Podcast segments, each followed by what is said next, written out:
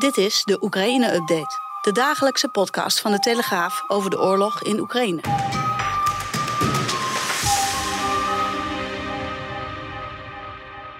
...28 april 2022. Het is dag 64 alweer van de oorlog in Oekraïne. Mijn naam is Kamran Oela en vandaag spreek ik met Amerika-kenner Raymond Mens... over de ferme uitspraken van onder andere de VS en het, eh, ook het Verenigd Koninkrijk... over de oorlog in Oekraïne.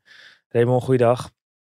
Goeiedag, goeiedag. De minister van Defensie van Amerika, Lloyd Austin, die, eh, die heeft zich duidelijk eh, uitgesproken deze week over de oorlog in uh, Oekraïne. We hadden natuurlijk al eerder harde woorden van Biden gehad, maar dit ging nog even iets verder. Hè? Wat, wat heeft hij nou precies gezegd?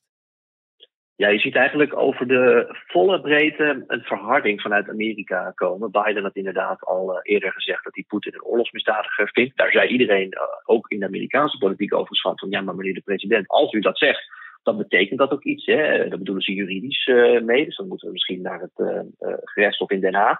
Waarop de president zei: ja, dat moet maar uitgezocht worden of die juridisch een oorlogsmisdadiger is. Maar ik vind van wel. En dat zei daarna ook over genocide. En je ziet dat het Pentagon het nu heeft over een hele lange oorlog. En eigenlijk dat ze het Russische leger een kopje kleiner willen maken. Dat gaat wat verder dan alleen maar Oekraïne helpen.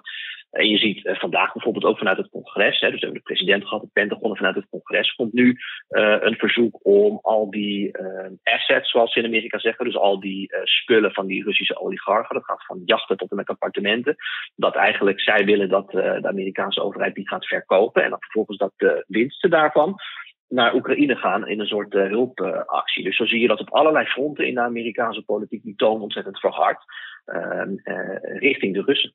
Ja. Dat dus in die, in die brede de, de verharding. Je had het net ook even over Biden. Hè? Die had inderdaad, wat is het, oorlogsmisdadiger gezegd over Poetin. En, en ook sprak je over genocide. Uh, maar, ja. maar, juridisch gezien worden nog geen stappen ondernomen hè, vanuit de VS. Nee, is ook natuurlijk een beetje lastig omdat uh, de Verenigde Staten officieel niet aangesloten zijn bij het internationaal gerechtshof.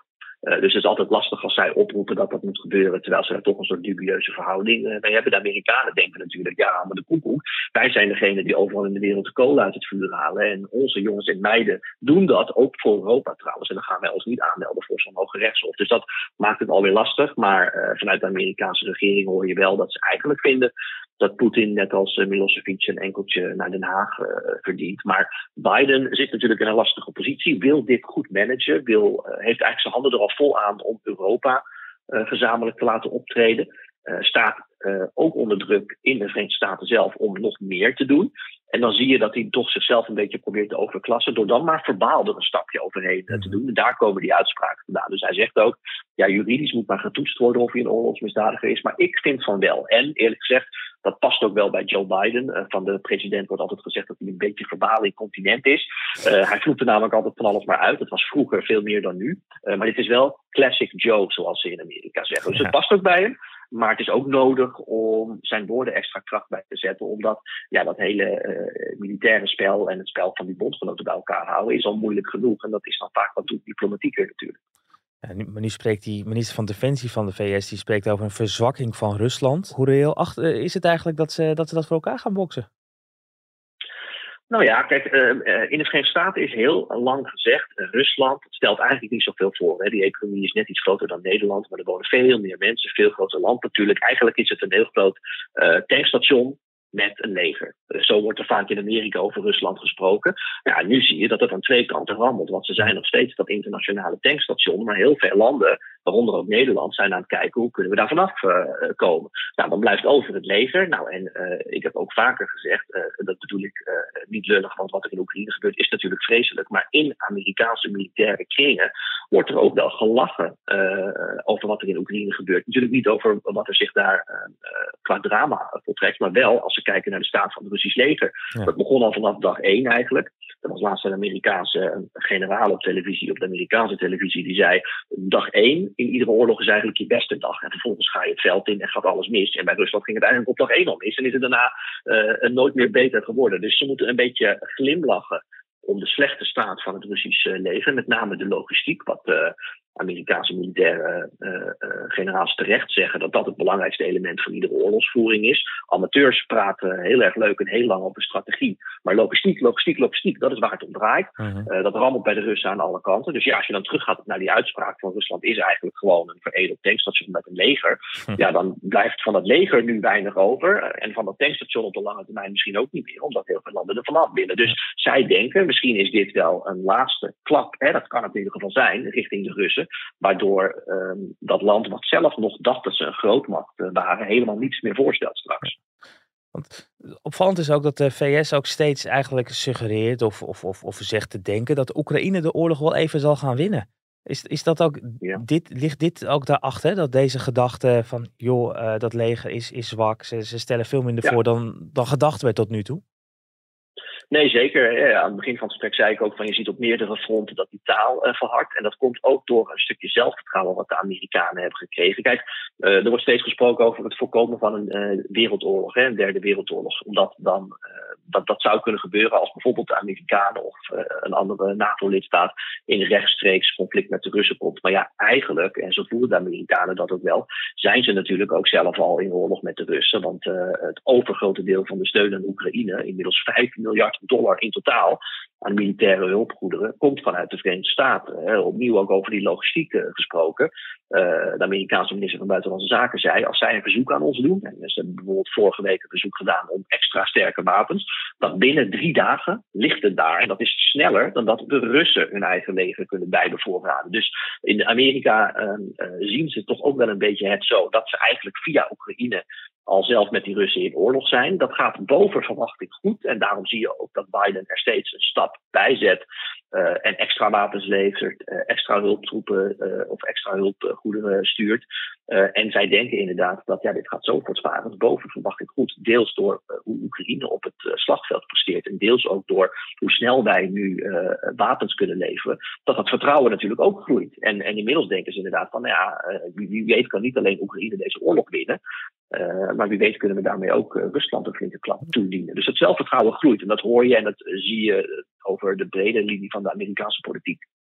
Maar vanuit Europa zouden we ook kunnen denken van, joh, VS, hou, het, hou een beetje rustig. Al die zware woorden, veel, eigenlijk veel heftiger of hardere taal dan, dan Europese leiders volgens mij over het algemeen tot nu toe gebezigd hebben. Uiteindelijk is het wel hier ons continent. We willen weliswaar ook geen wereldoorlog, maar we willen ook niet dat er nog één of twee landen bij betrokken gaan, uh, gaan raken.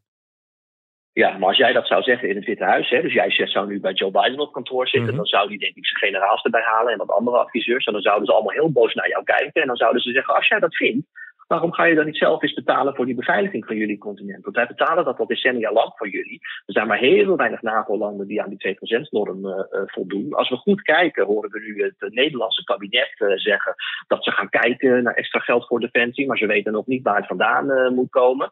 de minister-president heeft zelf gezegd, Mark Rutte, dat ja, je kunt wel militaire spullen willen kopen, maar je kunt ze niet eens die bestellen. Nou, kan je vertellen dat ze in Pentagon er heel anders over denken. We hebben nog gewoon hele mooie catalogus met alle spullen die Nederland kan kopen. Met andere woorden, ik denk dat de Amerikanen, uh, want dat hoor je natuurlijk breed in Europa nu wel van, uh, joh, uh, kan die retoriek wat omlaag. Maar de Amerikanen denken, wij zijn het die de kolen bij jullie uit het vuur halen. En niet alleen nu, maar ook al de afgelopen decennia. En nu natuurlijk met dit conflict komt het extra zichtbaar naar voren.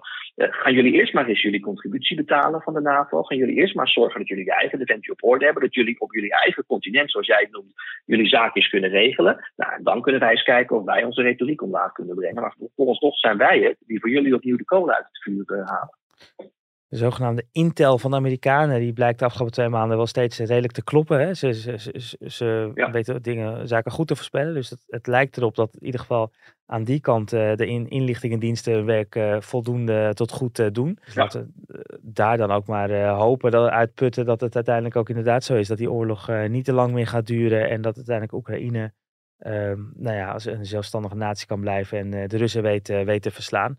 We gaan het afwachten hoe dat de komende maanden of weken zich gaat, uh, gaat ontvouwen. Overigens denken de Amerikanen ook dat het best wel eens heel lang uh, kan duren hoor. En daar zijn natuurlijk ook die sancties voor bedoeld.